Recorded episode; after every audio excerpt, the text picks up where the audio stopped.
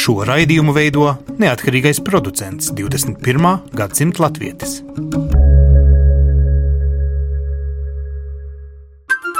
Lai kur mēs būtu, Lai kur mēs būtu, Lai kur mēs būtu, Lai kur mēs būtu, Tie esam mēs. tie esam mēs. mēs. Tie esam mēs. Mēs.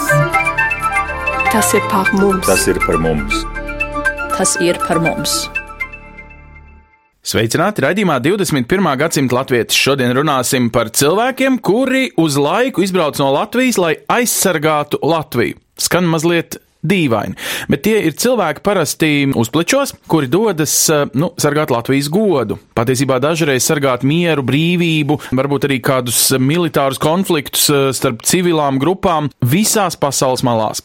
Latvijai patiesībā misijas ir pat vairākos kontinentos, nu, Āzijā visplašāk, Īrākā, arī Afganistānā, bet mēs esam pārstāvēti pat Āfrikā, Malī. Un pulkvežleitnants Kaspars Pudāns ir cilvēks, kurš gan koordinē šīs lietas, kur un kā mēs dodamies, gan, protams, kā jau kārtīgs uh, armīnieks, viņam ir gan uzpleči, gan uh, viņš uh, arī pats ir ar šo te pieredzi. Tāpēc, Kaspar, ar uh, jums es gribu saprast, nu, kā tas ir? Jūs esat ārzemju latvietis tajā brīdī, kad braucat prom uz misiju, kas ir, nu, pusgadu ilga, vai ne? Es nejūtos kā ārzemju latvietis tos septiņus mēnešus. Protams, tas bija prom no mājām, esot uzdevumu izpildot, bet nebija man sajūta tiešām jautājums dīvains, ka lai es justos kā ārzemju latvietis. Nē, nu, protams, jums neizveidojas kaut kādi vietēji paradumi, kas varbūt aplīp, mm. dzīvojot citā kultūrā. Jūs dzīvojat ļoti slēgtā vidē, tādā mazā Latvijā. Citi saka, Latvijas vēstniecība, nu, piemēram, Parīzē, ir faktiski mm. Latvijas teritorija. Jūsu kara bāze tur, kur jūs bijāt Afganistānā, tūkstnesī, taču nebija Latvija. Nebija Latvija, bet uh, ļoti precīzi vārdi. Man liekas, mūsu mazā bāze, kas bija lielākā bāze starptautisko spēku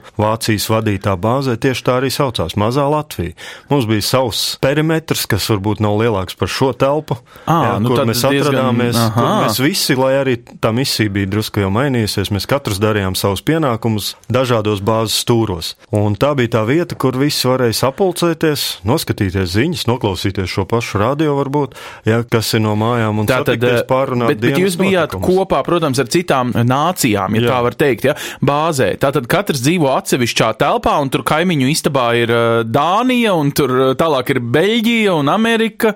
Jā, dzīvošana pamatā bija uh, miksēta. Tiešām manā gaitenī varētu teikt, ka gan bija divas nācijas vai trīs Somi un Zviedri, jo tās bija grupas, ar ko es kopā konkrēti strādāju. Visā bāzē man nācijas grūti uzreiz precīzi pateikt, bet vismaz 11, 16, 17. Nu, pagaidiet, bet tad jūs aizbraucat uz Afganistānu Jā. un tur darat šo miera misijas uzturēšanu, bet dzīvojat noslēgtā vidē, nu tādā mākslīgā telpā. Pirmkārt, nu tā kā starptautiskā, bet patiesībā jums ir apkārt siena mm. un jūs noslēdzaties patiesībā arī no pašas Afganistānas, ne? Ikdienā dzīvojot noteikti, jā, drošības situācija to prasa. Mēs noteikti nedzīvojam viesnīcā vai nedzīvojam īrētos apartamentos vai kaut kur un esot asimilējušies vai integrējušies tajā vidē. Tā nebija arī mūsu uzdevums, bet, protams, to nosaka vairāk drošības situācija. Iespējams, citas operācijas, ja paskatās attiecīgi ANO operācijas, ir dažādi piemēri bijuši. Šeit mēs bijām, protams, vairāk noslēgti savā ikdienā, uzturoties, bet uh, uzdevums pildīja visi. Īpaši tad, kad mēs nonācām līdz šiem padomnieku uzdevumiem, mēs pildījām ārpus bāzes, mēs pildījām pie Afganistānas karavīriem un policistiem, Nu, braucot pie viņiem. Nu, proti, jūs bijāt viņu nosīt pasniedzējs, jā? Tātad jūs nu, apmācat armijas rīcības spēju valstī, vai ne? Gan armijas, gan policijas, nezinu, vai pasniedzējs mēs vairāk bijām kā padomdevēji, tāds sniedzot. Nedrīkst par instruktoriem jūs tur saukt. Tur ir instruktors, ir, ir pats Afgānis, un jūs esat tā kā instruktora asistents, jā? Nu, vairāk jau arī atšķirās dažādos līmeņos, kuri varētu būt, ka bija kā pasniedzēja instruktori. Man pašam konkrēti es nejūtos tik daudz kā instruktors, bet tiešām vairāk kā padomdevis. Viņi dara savu ikdienas darbu. Tur, kur es biju, tas bija tāds kā operāciju koordinācijas centrs, Afganistānas drošības spēki, kas iekļauj gan viņu armiju, gan policiju, gan drošības dienestus. Un viņi dara savu ikdienas darbu. Mēs esam tādi kā blakus esoši, skatoties, kā viņi strādā, sniedzam padomu, ko labāk paveidot, pamainiet šo, padomājiet, kā to darīt. Īstenībā vairāk uh, justos kā mm, tāds uzraugs rusk no aizmugures. Katrs karavīrs, kas mums ir pats instruktors, virsnieki, jaunākie virsnieki, īpaši instruktori, vecākie, viņi pat ikdienā esot kā komandieri savās grupās, viņi pilda šo pienākumu apmācīt savus padotos savus karavīrus, un tātad īpaši viņi varbūt netiek pat gatavot konkrētai misijai. Ir apmācība, protams, par to vidi, par cilvēkiem, darbs ar tulkiem, vēl kaut kas tāds. Bet to, ko viņi tur dara, viņi dara to, ko viņi ir apguvuši darīt šeit, ar saviem karavīriem. Un braucot uz turieni, vienkārši ir papildus, protams, iemaņas ir vajadzīgas. Tā ir cita Bet nācija, varam... cita mentalitāte. Un, un tas ir tas jautājums, cik daudz jums jāsaskars ar šo citu. Mm -hmm. Jo jums jau nu, pēc būtības ir it kā, nu, es saprotu, tā informatīvajā telpā, ja jūs dzīvojat vēl aizvien, piedodiet, vakarā Delfī mm -hmm. vai TVNet, jūs izlasat, kas Latvijā noticis, jūs sazināties ar savu mm -hmm. ģimeni, vai jūs uh, faktiski šai pusgada garajā misijā spējat iedziļināties Afganistānas realitātēs, atšķirībās starp mazām etniskām grupām, starp reliģiskiem strāvojumiem, kur jums ir nu, nosacīta darba dēļ, ir jāuztur Jā. miers starp viņiem. Tātad viņi ir jāsaprot, vai jūs gatavojaties krietni pirms tam, vai tur uz vietas, nezinu, arābu valodā vai puštunu valodā lasat mm -hmm. uh, avīzes, taču nē, jūs nemākat to valodu. Nu, noteikti valodu ir ļoti maz izņēmumu, kas mm. ļoti labi bet gatavošanās, protams, tam notiek. Arī atsevišķi līmeņi, runāšu par sevi personīgi. Pirms došanās uz šo misiju bija gan uh, apmācība šeit pat uz vietas, kas gan vairāk bija tāda taktiska militāra apmācība, vispārīga apmācība pa Afganistānu. Pamatā to apmācību veids tie, kas tur ir bijuši. Par tie, kultūrālo tikko, saskarsmi, par islāmu, par nedaudz. visām šīm aspektiem. Arī ne? šādi punkti, bet uh, tad jau konkrētāka apmācība bija Polijā, ko vadīja jau NATO. Vada visiem tieši konkrētai pavēlniecībai, kas ir ziemeļos, Mazar Šarif, tas, un tur uh, konkrēta apmācība katrai rotācijai, gandrīz visi štāba cilvēki, visi padomnieki tiek uz to aicināti. Un tad tur ir gan iepriekšējo rotāciju karavīri, kas pasniedz, un runā tev izstāst jau konkrēti to, ko tu tur redzēsi. Gan drīz no tā, kur tu dzīvos, kādā istabiņā, kur tu un kā tu brauks pie taviem partneriem, ar ko tu strādās, kas tur pretīm būs, kādi ir šie cilvēki, gan viņa kultūrālas, gan personīgās īpašības, kā ar kur runāt, par ko var parunāties valodas apmācību, vismaz pamatfrāzes darīja mm. valodā. Jā, jā labdien, to, to ne? Nu, šis...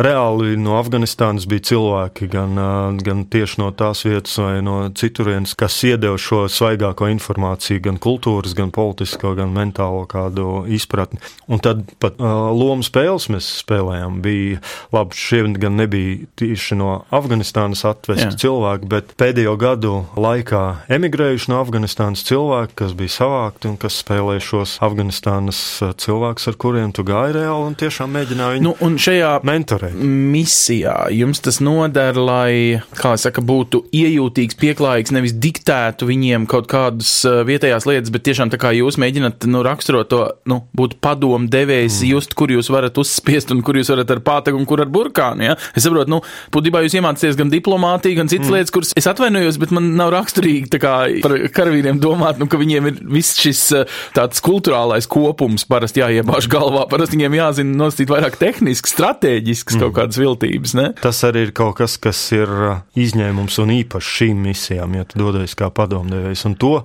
grūti ir sagatavot, jo ikdienā ar savu karavīru tev ir hierarhija, militārā disciplīna, tolerance varbūt īpaši daudz vietas nav. Šeit braucot uz šādu misiju, tiešām ir jāspēj šo, es pat nevaru pateikt, ka to spēju var iemācīties. Tā jābūt gan pieredzēji, gan paša personīgām īpašībām, jāspēj sev kontrolēt šeit tolerancei, kad tu sastopies ar šo apmācāmo, kurš varbūt nepakļaujās uzreiz tieši tavām vēlmēm, kā tu to gribi, un nevienmēr tas ir pareizākais tieši uz to norādīt. Īpaši Afganistāna tauta, kur varbūt nevienmēr runā tiešu valodu, bet mēģina dažādi. Jā, Tad teikt, viņiem nē, vārda nemaz nav, ja viņi saka, nu, laikam var būt, nu, nu jā, tur nu, tev jāsaprot temperatūra visam nu, tam, ja? Tā, dažādi ar vēsturiskiem vai dzējus vai kaut kādu veidu mēģinot vai piemēriem vai izteicieniem novadīt uz to, ko tu gribi pateikt. Un nevienmēr var uh, būt tas, ka tas tiks pieņemts. Jā. Tātad jūs uh, tādā misijā trenējat savu karavīru vai virsnieku pacietību. Jā, pacietība tieši tas vārds. Jo jūs nevarat es... atdot komandas. Nē. Jūs nevarat dabūt Nē. ātri to, ko piedodiet nu, salīdzinājumam. Ādažu bāzē jūs mm -hmm. savam, nu, ko jūs nebūtu komandējat vienībai, mm -hmm. varat, eh, nu, var teikt, vienā sekundē dabūt gatavu visu, ko jūs gribat. Kā teicu, pie mums savu hierarhiju disciplīna, tā kā minēja, uzreiz komandas vajadzētu būt izpildītas un tiek izpildītas. Afganistānā, viņi nav mūsu padotie.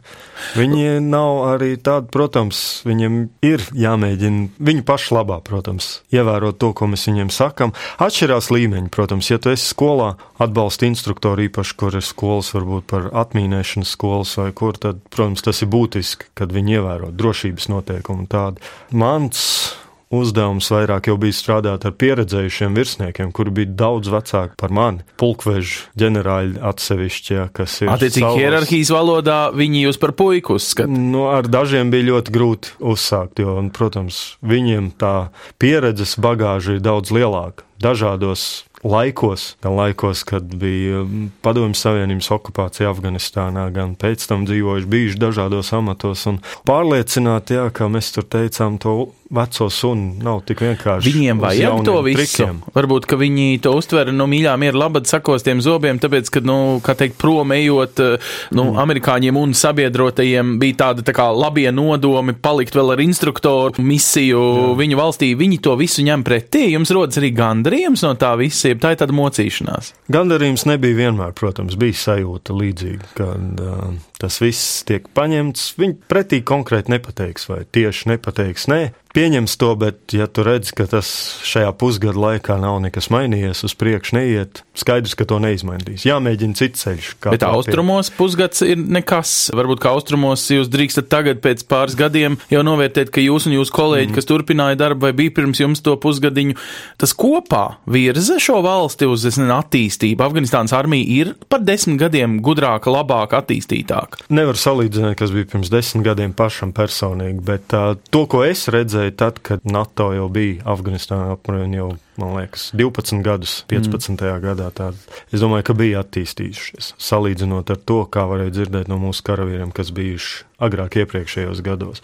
Ir iemaņas tieši ar tie, ar kuriem es strādāju, ko viņi ir ņēmuši vērā pa šiem gadiem, jo pēctecības ar tiem padomdevējiem tiek tomēr nodrošināt, ko mēs iepriekšējās rotācijas mēģinam darīt un nodot nākamās. Un var redzēt, kaut ko viņi ir paņēmuši. Nav tā, ka visu, un mēs atkal mēģinam to pašu dabūt, ko gandrīz iepriekšējās divas, trīs rotācijas, ko mums stāstīja tajā pašā apmācībā, varbūt un nav pieņēmuši.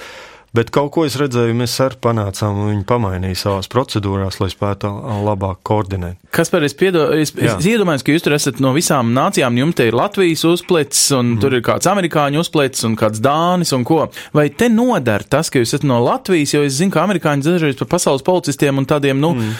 no austrumos ne visi viņus mīl, citi dedzina viņu karogus un, Jā. nu, kā teikt, sit būtībā, ja? Tiklīdz uzzina, ka ir amerikānis, tiklīdz uzzina, ka ir latvietis, uztver savādāk, vai to varētu saukt par mūsu īpašo prasmi. Es saprotu, ka es bišķiņ velku uz politiku un armīniekam nevienmēr gribas to komentēt. Un tomēr tajā ikdienas sadzīvē, vai ir Sadzīvē kaut kāds mūs, jā. ieguvums no tā, ka jums ir uzraksts Latvija? Jūs varat sākt, es nezinu, par kopīgu okupāciju no padomu savienības runāt un tā aizrunāties līdz kaut kādām lietām, kas mūs izrādās vieno starp Afganistānu un Latviju. Praktisks iegūms var būt vairāk mūsu zināšanas. Krievu valoda bija ļoti izplatīta. Jo, tā kā minēja, daudzi no šiem virsniekiem, kas bija šajā operāciju centrā, kur es strādāju, bija mācījušies vēl Padomju Savienības militārajās augstskolās, gan milicijas augstskolās, gan uh, bruņoto spēku karaskolās. Vēl joprojām ļoti labi zināja Krievu valodu. Tāpēc komunikācijā tas palīdzēja, ka brīžiem mēs varējām, neizmantojot tulku, aprunāties par to, ko mēs gribējām.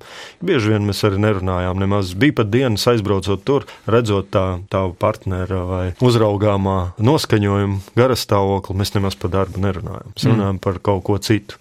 Par Latviju runājām, tieši tā arī runājām par mūsu okupāciju, par to, kā mēs esam attīstījušies pēdējos 25 gados, kā mums gāja ar to pašu padomnieku funkciju. Līdzīgi jau arī mūsu pirmajos gados bija, kad mūsu sabiedrotie brauc pie mums un arī palīdzēja mums attīstīt mūsu patiesībā spēkus. visās jomās, ne jau tikai armijā. Mums Tieši jau arī mēs lamājām Nīderlandiešu Jā. kaut kādus konsultantus, kas mums būvēja pensiju Jā. sistēmu. Tagad Jā. viņi skaitās diezgan stabili. Nu, Jā. tādā ziņā, ka iespējams tas jūsu padoms, ko jūs mm. dodat, nāks tai valstī par labu, nu, principā desmit gadē, nevis desmit mēnešos, Nu, ne? no, noteikti, jā. Nu, uzreiz tie augļi nebūs plūcami. Viņi var būt taktiskā līmenī. Mēs redzam, tur centrā viņi ir nomainījuši kaut kādu procedūru. Kā visai valstī tas noteikti nav izdarāms pāris mēnešos. Jā. Bet jums, nu, tas ieguvums, kur jūs dodaties uz septiņiem mēnešiem mm. misijā, jums pēc septiņiem mēnešiem jāatbrauc atpakaļ ar ko? Ar īpašu pieredzi, vēl vienu zvaigznīti uz uzplečiem. Kas ir tas, kas motivē, bet arī gandarīja jūs? Es saprotu, katram karavīram tur ir vienkārši jābūt, ja viņš ir nopietns mm. pret savu darbu, vai ne? Gandarījums var būt viens. Katram arī karavīram būs dažādi šie argumenti, kāpēc viņš ar mieru ir. Pat ne ar mieru, bet neiebilst nosūtīšanai. Jo šobrīd ir tā, ka tev vairs nav šis brīvprātības princips doties operācijā. Pienāk līguma. rotācijas laiks, un tu brauc. Ja? ja tev ir līgumā noteikts ar to, ka tu pildi savu dienestu arī starptautiskajās operācijās, un ja tu atrodies tajā vienībā, kura tiek norīkot doties operācijā, tad ir jādodas. Šobrīd varbūt ir drusku savādāk, jo mēs komplektējam šos instruktorus, tad, protams, tiek veikta atlase un uh, tiek piedāvāts. Nu, tas un, ir uz mirkli, piedodiet pasaulē jā. prognozes, ka visdrīzāk vajadzēs vēl kaut kur misiju vai zem Eiropas Savienības karoga vai NATO karoga jā. vai tikai Latvijas karoga, piemēram. Nu, viņi jau, es saprotu, pagaidām ir arī specifiskās jomās. Ja tur kā ārsti ir braukuši, jūs, mm -hmm. ko jūs mācījāt tieši precīzi, nu tādā ziņā ir arī militārās zināšanas, mm -hmm. kas nosaka, kurš brauc un kurš nē, vai ne? Pieredze vairāk zināšanas, jā, ir speciālisti, kā es teicu, atmīnētāji, ārsti jūs minējāt. Nu, tās arī, ir tās jā, mūsu, tās nu jau gadu desmitiem jā. slavenās specializācijas. Jā, bet, bet arī citu funkcijas, ko mēs Afganistānā pildījām, mums bija gan militārās policijas, karavīri, kas vairāk gan veic mūsu spēka aizsardzības funkcijas, bet kā padomnieki, jā, gan sakaru speciālisti, gan vispārīgi. Es vairāk esmu kā vispārīgi militārās vai operāciju vadības pieredze, plānošana vai mācību plānošana, kā ar tādu pieredzi. Protams, katram amatam ir arī nepieciešama šī pakāpe. To pašu, ko es minēju, noteikti uz to amatu, kur es biju strādāt ar pulkvedi, kas bija mans pieskatāmais, noteikti nesūtītu leitnantu vai kapteini. Tātad šobrīd militārās misijās Latvija faktiski vairāk sūta cilvēkus jau ar nopietnām zvaigznēm, tāpēc, ka nopietnām zināšanām tie nav nu, tādi kareivi, atvainojos par rupjību, nu, kā lielgabala gaļa citreiz saka. Ja, nu, proti, eh, mēs neņemam uz masu, mēs ņemam uz unikālām mm. zināšanām, ar ko mēs patiesībā to Latvijas godu tur eh, izplatām pasaulē, vai ne? Kā minēju, gandrīz visas šobrīd operācijas, kur mēs esam, ir saistītas ar šo vietējo bruņoto spēku vai drošības spēku sagatavošanu, tad visās mums ir šie padomdevēji. Un, lai būtu labs, kvalitatīvs, protams, ka šie ne tikai lielām zvaigznēm, bet tie ir arī mūsu instruktori, pat lielākā daļa daļā ir šie instruktori, bet arī viņi ir jau vecākie instruktori, gan seržanti, virsseržanti, kas tiešām savu pieredzi, savas zināšanas, ko viņi ir guvuši šeit, strādājot ar saviem karavīriem, vai pasniedzot instruktoru skolā vai vēl kaut kur kainieku skolā tagad nodod arī citās valstīs. Es zinu, ka kanādieši un uh, poļi un uh, spāņi, kad viņi atbrauc šeit un uz ādažiem, viņi jau nesēž mierā. Viņiem jau tas pat ir uh, savā ziņā unikāls spāņiem iemācīties, kas būtu Spānijas armijai, ja uznāktu traka ziema. Nu, šogad ziemas trakas nav Latvijā pagaidām, bet, bet nu, teiksim, tā ir arī tāda armijai it kā sev netipisku lietu izmantošana, lai paši iemācītos tieši tajā reģionā esot. Ko jūs atvedat mājās, kā savu mācību? Jūs taču braucat gan mācīt, bet varbūt mm -hmm. vēl vairāk atvedat mājās, vai personīgā, vai Latvijas armijas kopējā pieredzē? Personīga pieredze, es domāju, vairāk tas, ka katram tas ir kāds zināms tests, īpaši pirmo reizi braucot misijā. Es domāju, katram vismaz lielākā daļa noteikti domā, kā es to izturēšu viens, kā tas būs reāli man nonākot kādā konflikta situācijā vai bīstamā bīstamā situācijā ir tiešām tests pašam sev pārbaudīt. Mācoties, trenējoties, vingrinoties, tas ir viens, bet noteikti es pieļauju, daudz ir to domājuši, kā es rīkošos, kāda būs mana rīcība, kad es nonākšu tiekšām dzīvi vai bīstamā vai uguns uh, konfliktā tur atrodoties. Pārējais arī daudz ko iegūst, gan šī savietojuma sadarbība ar citiem spēkiem, kā minējām, tev plec pie pleca ar citiem karodziņiem, zviedriem, somiem, vāciešiem, kas mums bija pamatā tur Afganistānā, gan arī, protams, darboties šādos apstākļos, vidē, varbūt, kas nav raksturīgi mums. Karstie apstākļi Afganistānā noteikti ir viens, kas, kas liek karavīriem pārbaudīt savas spējas un vienlaikus atved atpakaļ atziņas, ko mēs ņemam vērā tālāk spēku attīstībā, gan procedūrās, kas būtu jāpamaina, gan arī mūsu materiāla tehniskajos līdzekļos. Varbūt formas, varbūt sakaru līdzekļi, bruņojums ir tas, kas ir jāpamaina. Mums viņi, protams, nav ikdienā šāda laika apstākļi šeit vajadzīgi, bet gatavībai mums būtu jābūt doties ne tikai uz karstiem, protams, arī uz augstiem. Ne, nu kā, nu, būsim reāli, nu, mūsu armija jau iespējams tādā reālā darbībā, cerams, tuvākos gadus un varbūt visu atlikušo Latvijas mūžu mūžu, mm. taču faktiski vairāk dienēs viskur pasaulē, nodrošinot to mieru citur. Jums tā misijas apziņā arī brauc līdzi, jūs kaut kā, jūs teicāt, Polijā, jūs sagatavoja īpašā seminārā, nu, kas Jā. notiks ar jums Afganistānā, bet vai jūs arī kaut kā īpaši motivē un sagatavo Latvijas valsts un saka jums sirsnīgi paldies, es nezinu, jūs saņemat, eh, piemēram, kaut kādu vēl vienu zvaigznīti klāt vai kādā balvojumu, kad jūs atgriežaties, jo jūs taču vairojat manas valsts mieru. Tas, ko jūs izdarat tur Afganistānā, pēc tam nes man augļus par eh, kanādiešu klātbūtni šeit, tad, kad mums ir bažas, vai ne, par uh, situāciju. Protams, varbūt, kā minēja, katrs karavīrs to uztver atsevišķi, bet no vadības tas vai vispār tiek norādīts, ka mūsu ieguldījums nav vienkārši tāpat, lai iegūtu katrs karavīrs individuāli vai iegūtu šīs apakšvienības, vai lai kaut ko mēs testētu savās zināšanās. Dalība, lai arī cik mums būtu kādi mūsu apstākļi šobrīd drošības situācija mūsu pašu reģionā,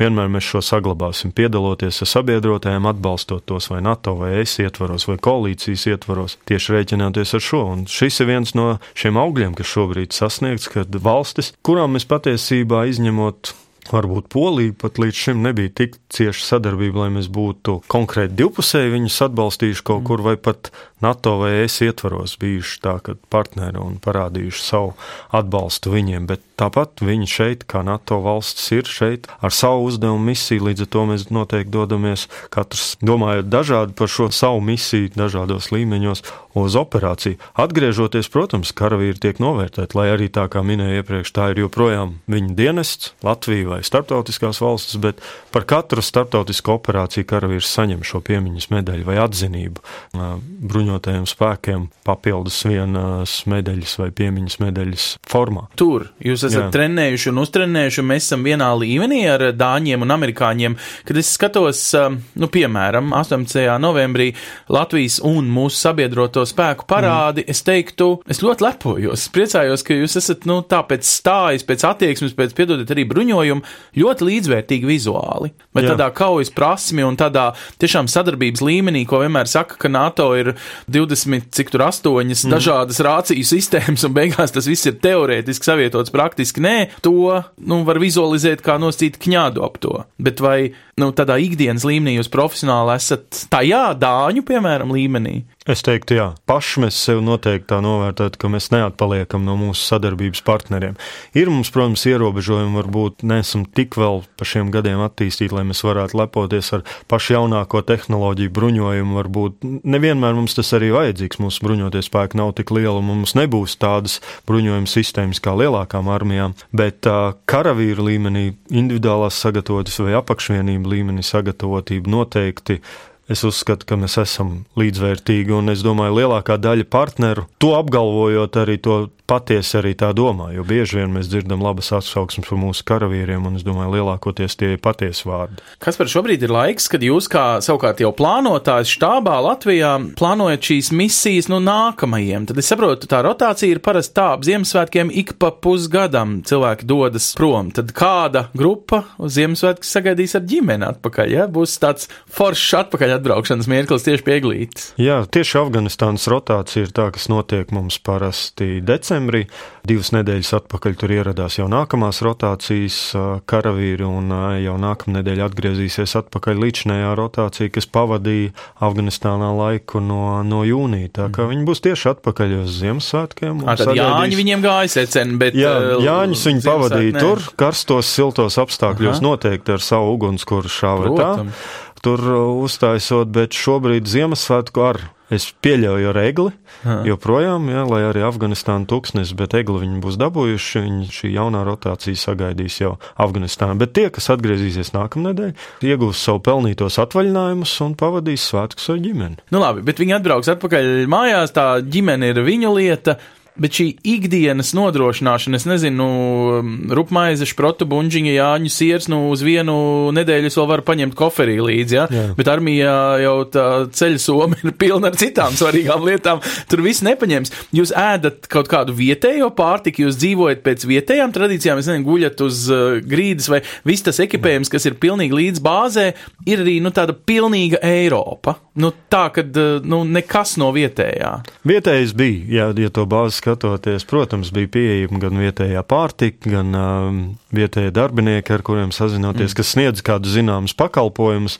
Bet jā, ēdnīca, kur regulāri mēs ēdam, protams, bija Eiropeiska, ko nodrošina Vācijas kontingents, laikam tā, ka pamatā tas bija dažāda veida Eiropas pārtika un tie apstākļi un veikaliņi, protams, ka pieejama tā Eiropas sajūta nepazūd. Bet, uh, lai mēs kaut cik arī izjustu vietējo nāciju, protams, mēs organizējam pasākumus, ko gan mūsu sadarbības partneri, gan mūsu tulki organizēja taisot mums vietējo plovu vai vēl kādus gardumus, ko viņi mums varēja nodrošināt. Nu, ko, Kasparam Pudānam, es saku sirsnīgi paldies. Jūs esat Latvijas armijas tagad jau plānotājs, ja tā drīkst teikt, par visām šīm misijām turp un atpakaļ un žur, bet arī ar personīgu pieredzi. Un mums ir vērts ikdienā aizdomāties par to, ka dažreiz latvieši, kas dodas ārā no Latvijas, patiesībā aizstāv nevis katrs savas ģimenes, piemēram, nu, ekonomisko stāvokli vai savus personīgos sasniegumus, bet tiešām nācijas godu un arī drošību. Savā ziņā jūsu darbs ir tā drošība kura tad uh, tiek nodrošināta mums šeit, šajos savos dzintarjūras platuma grādos. Savukārt redzījumā 21. gadsimta latviecis piedāvāja ieklausīties tagad mazliet citā pieredzē, un tā ir no Egejas jūras. Starp Grieķiju un Turciju lielākā bēgļu plūsma nu jau vairākus gadus pēc kārtas, un arī tur Latvijas robežu sargi dodas misijā. Tiesa gan mazliet savādākā. Mēnesi strādājot tur, un mēnesi atpakaļ sargājot Latvijas un Baltkrievijas robežu. Te lūk man tikšanās ar Edgars Dārznieku. Tie esam mēs. Mēs. mēs. Edgars Dārznieks ir uh, Daugopilī ikdienā dienējot. Cik gadus jau esat robežsargs Latvijā? Desmit gadus jau dienēju robežsardzē. Nu, un tad pēc šiem desmit gadiem nekad jau laikam iepriekš nesat sargājis citu valstu teritoriju. Kas jūs um, personīgi, profesionāli mudināja pieteikties šajā misijā, vai drīzāk iespējā trenēt sevi, sagatavoties krīzes situācijai, ja tāda būtu Latvijā? Nu, jā, misijās jau piedalos, man liekas, no 14. gadā. Nu, un pamodināja, protams, pieredze, kura dzīvē privātajā var noderēt, gan arī profesionālā karjera, gan paskatīties, kas un kā notiek citās valstīs, arī atbalstīt viņus ar viņu problēmām. Tad, kur jūs vēl esat bijis savā misijā? Jūs teicāt, vairākās jau no 14. gada. Jā, es biju gan Grieķijā, gan Bulgārijā, Ungārijā, un uh, Horvātijā biju. Un, Tieši bēgļu krīzes kontekstā, ja? Jā, palīdzēju kolēģiem no šīm valstīm. Un, tā saka, apsargāt sauzumas, sauzumas jā, robežu. Bet sakiet, lūdzu, vai tā drīkst mūsdienās, ka viens Latvijas formas tērpā tērpts robežsargs sargā citas valsts robežu? Tās tad ir obligāti tikai Eiropas Savienības valsts, kuras jūs tā drīkstat? Jā, mums ir Frontex aģentūra, jā, kur atrodas Polijā un kur arī koordinē un novēro un koordinē un veic riska analīzi visas Eiropas valstīs. Un uh, tur, kur ir nepieciešama papildus palīdzība tām valstīm, viņa pieprasa no citām valstīm, kur ir mazāk tā migrantu plūsma un uh, nosūta tos robežsargus uz valstīm, kuriem nepieciešama palīdzība. Tad mēs varam teikt, ka Latvijas robežsardzē ir savs ģenerālis, bet faktiski ir vēl viens, nu tāds tā kā, nezinu, blakus ģenerālis, proti aģentūra Frontex, kurai mēs pakļaujamies nu, jāiet palīgā, tad, ja mums vajadzēs, mēs arī sauksim palīgā. Nu, līdzīgi tā kā, piemēram, militārajā jomā NATO princips, vai ne? Tieši tā, jā, kaut kas tam līdzīgs. Un mēs, kā robežsardze, mēs neveicam riska analīzi visās Eiropas valstīs, pa visu Eiropu, bet eh, to dara tieši Frontex. Un, eh, viņi izvērtējot nepieciešamību, pieprasa no citām valstīm. Valsts pasaka, jā, mums ir resursi, mēs varam tik un tik robežsargus aizsūtīt tur un tur. Bet, sakiet, nu, e, jūs Daugopils pārvaldēji strādājat ar faktiski arī nu, ārējo robežu. Baltkrievija ir nu, trešā valsts, kā mēs tagad tajā diplomātiskajā valodā uh, sakam. Tas nozīmē, ka pie mums situācija ir tik mierīga, ka mēs varam atlaist savus robežsargus, vai varbūt tieši otrādi, kopš Daugopils pārvaldē ir arī robeža ar nu, Lietuvu faktiski, vai ne? Nu, kopš tev robeža vairs tur īsti nav tik daudz darba, nu, tad ir arī vairāk brīvas vietas tīri štatā kā, kā mēs to pēkšņi tā varam atļauties, jo līdz šim jau mēs esam domājuši, ka mums, nu, mums vajag palīdzību, nevis mēs varam sniegt palīdzību. Nu jā, runājot eh, par statistiku, teikšu tā, ka nelegāla imigrantu plūsma uz Latvijas robežām ir samazinājusies pēdējā gadā, bet uh, tie robežsargu, to robežsargu skaits, kurš piedalās tajās misijās, viņš nav tik liels, un uh, mēs varam sev atļauties mēnesī nosūtīt uh, tā teikt, nu, četrus robežsargus, kā tas parasti notiek, jā, maiņā. Nu, četri robežsargi prom no, no darba tas nav tik daudz, mm -hmm. lai ietekmētu robežsardzes darbību kopumā. Mēs palīdzam ar saviem cilvēku resursiem un savu tehniku. Mm. Jā. Tā ir valsts misija palīdzēt citai draudzīgai valstī. Kas jums tas ir? Vienkārši dienesti jauns izaicinājums, nezinu, izaugsme karjerā, pieredzes gūšana. Varbūt jums arī tā ir cilvēcīga misija. Nu, protams, cilvēcīga misija arī. Jā. Mēs visi esam cilvēki un saprotam, ka tā ir mūsu kopējā robeža, ļoti liela robeža. Un, ja kaut kāda valsts netiek galā ar uh, robežas apsardzību, cieša visa Eiropā.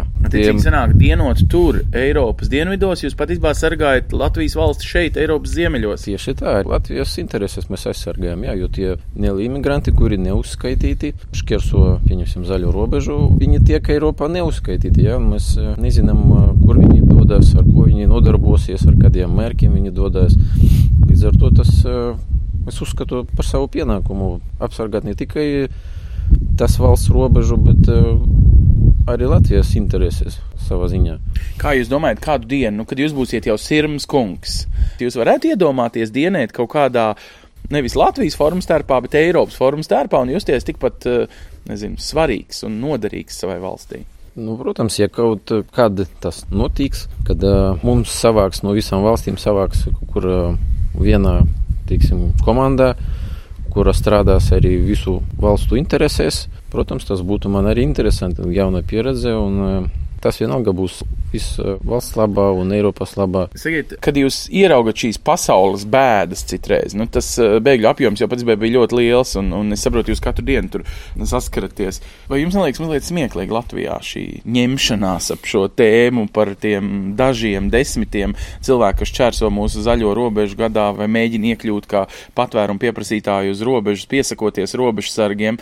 Vai nav tā, ka mēs citreiz nu, pārspīlējam problēmas brīdī, kad patiešām tās reālās problēmas ir, ko jūs savām acīm esat redzējis? Nu, es neteiktu, ka pārspīlējam. Protams, tā plūsma, nelegāla plūsma ir eh, vairākas reizes mazāka pie mums, bet tas nenozīmē, ka mums eh, nav jānodarbojas ar robežas apsardzību. Katrs dara nu, tik daudz, cik ir nepieciešams eh, viņu valsts robežas apsardzībai. Pieņemsim, tas valsts nav vainīga, tā, pieņemsim, Grieķija vai Bulgārija, ka tieši viņi ir tie pirmie, kas saskarās ar to bēgļu plūsmu. Nu jā, viņiem ir geogrāfija, kā teikt. Viņi nav vainīgi tajā, bet tas sanāca. Un, nu, viņi dara visu, ko viņi var šajā gadījumā, un Frontex arī palīdz viņiem tikt galā ar to problēmu ar citiem robežsargiem. Bet jūs pats patiesībā ar savu darbību pierādat vārdu solidaritāti, kā to uztver Eiropā. Nav tā, ka jūsu darbība nevienmēr tieši tādā veidā, kā solidaritāti uztveram mēs, latvieši, Latvijā. Mums liekas, solidaritāte nozīmē vācu pensionāriem jāpadalās ar savām pensijām, ar mūsu valsts budžetu. Vai nav tā, ka solidaritāte, kuru jūs darat katru dienu, jūs būtībā solidāri palīdzat citai valstī, kur piemeklē problēmas? Jā kaut kādā mērā jūs to darat, ko citi uztver. Kāpēc? Nu, kāpēc skriet pasauli lāpīt? Tā ir Bulgārijas problēma. Nē, tas jau ir skaidrs, tā nav Bulgārijas problēma, jo mums ir viena kopēja robeža. Un, ja caur Bulgāriju iestāv nelegālu plūsmu, neuzskaitīti, mēs arī cietīsim no tā. Lielākā vai mazākā mērā, bet arī cietīsim no tā. Līdz ar to mūsu resursus ir jāsadala un palīdz arī citām valstīm, kuram ir vairāk. Tas ir nepieciešams, jo tā ir kopēja robeža, kas jau minēju iepriekš. Edgars Dārznieks, kurš strādā ikdienā Daugopilī, bet varētu teikt tagad arī ik pa mēnesim ikdienā Grieķijā. Brīdī, kad ētrā skan šis raidījums, iespējams, Edgars jau ir devies atkal kārtējā misijas braucienā uz uh, Grieķiju, lai jums veicas, Edgar, uh, jūs, uh, tā teikt, sargājot Grieķiju, sargājot Latviju. Tā man sanāk. Tik tālu Edgars Dārznieks eh, no Latvijas robežsargiem un Kaspars Pudāns no Latvijas armijas par mūsu pieredzēm eh, pasaules misijās. Latvija šajā ziņā ir savā ziņā lielvalsts, jo spējam taču drošību aizvest un uzdāvināt savā ziņā arī citās pasaules malās, kur tā varbūt pat vairāk eh, akūti vajadzīga. Bet mēs savukārt akūtām vajadzībām latviskumu kopšanai visos kontinentos, kā vienmēr atvedoties, piedāvājam savukārt atskatu uz to, kur varat izpausties latviešu kultūras biedrībās, dažādos sarīkojumos, īpaši jau tagad, kad nāk Ziemassvētki. Te ir vesels birums ar vietām, kur iesaistīties. Uz redzēšanos!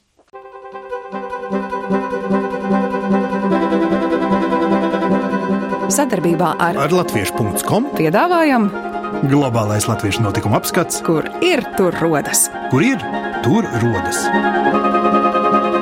Tas ir par mums!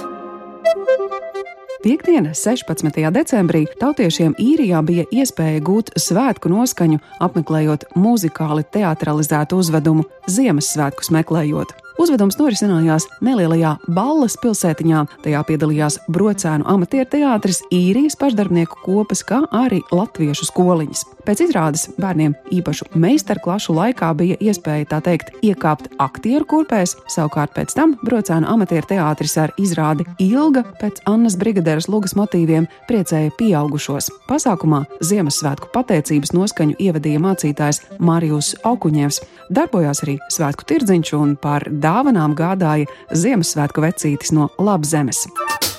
Vēsturiskās latviešu tradīcijas nākamnedēļ tiks godātas arī austrumu pusē. Trešdien, 20. decembrī, Baškortostānas republikā Krievijā, Arha latviešu ciemā norisināsies Bluķa vakars. Tā laikā senlatviešu pagāniskās rotaļas pārtaps meditatīvā koncertā, ko sniegs muzikālā apvienība Rāmi Riti no Latvijas. Savukārt Ziemassvētku priekšvakarā, 24. decembrī, tautieši aicināti pulcēties Maskavas Latviešu kultūras biedrības telpās, lai ar svētbrīdi, dāvanu loteriju, rokdarbu tirdziņu un mīlestību kopīgi ieskandinātu gaidāmos svētkus.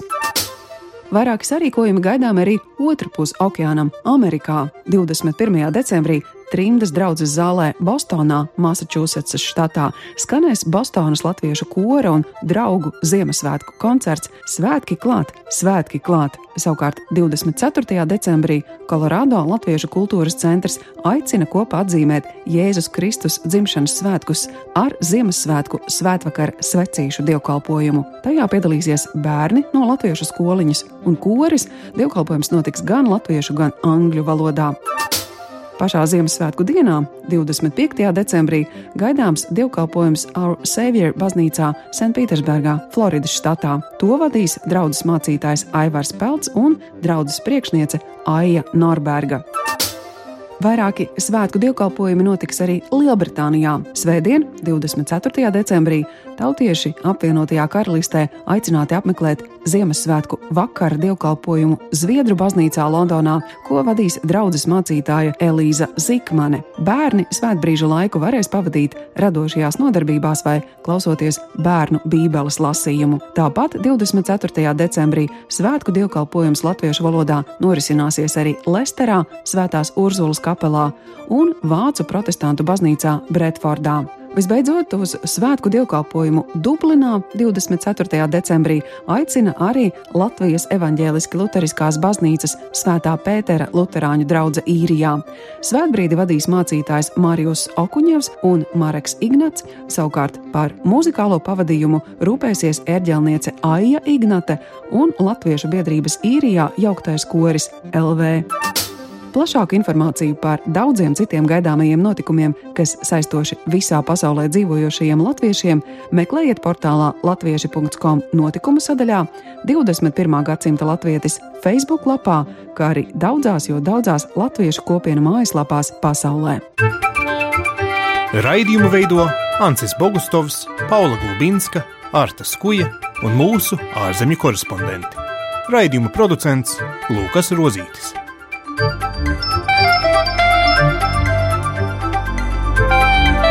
Lai kur mēs būtu, Lai kur mēs būtu, Tas ir par mums. esam mēs. tas ir par mums. Tie esam mēs. Tie esam mēs. Tie esam mēs.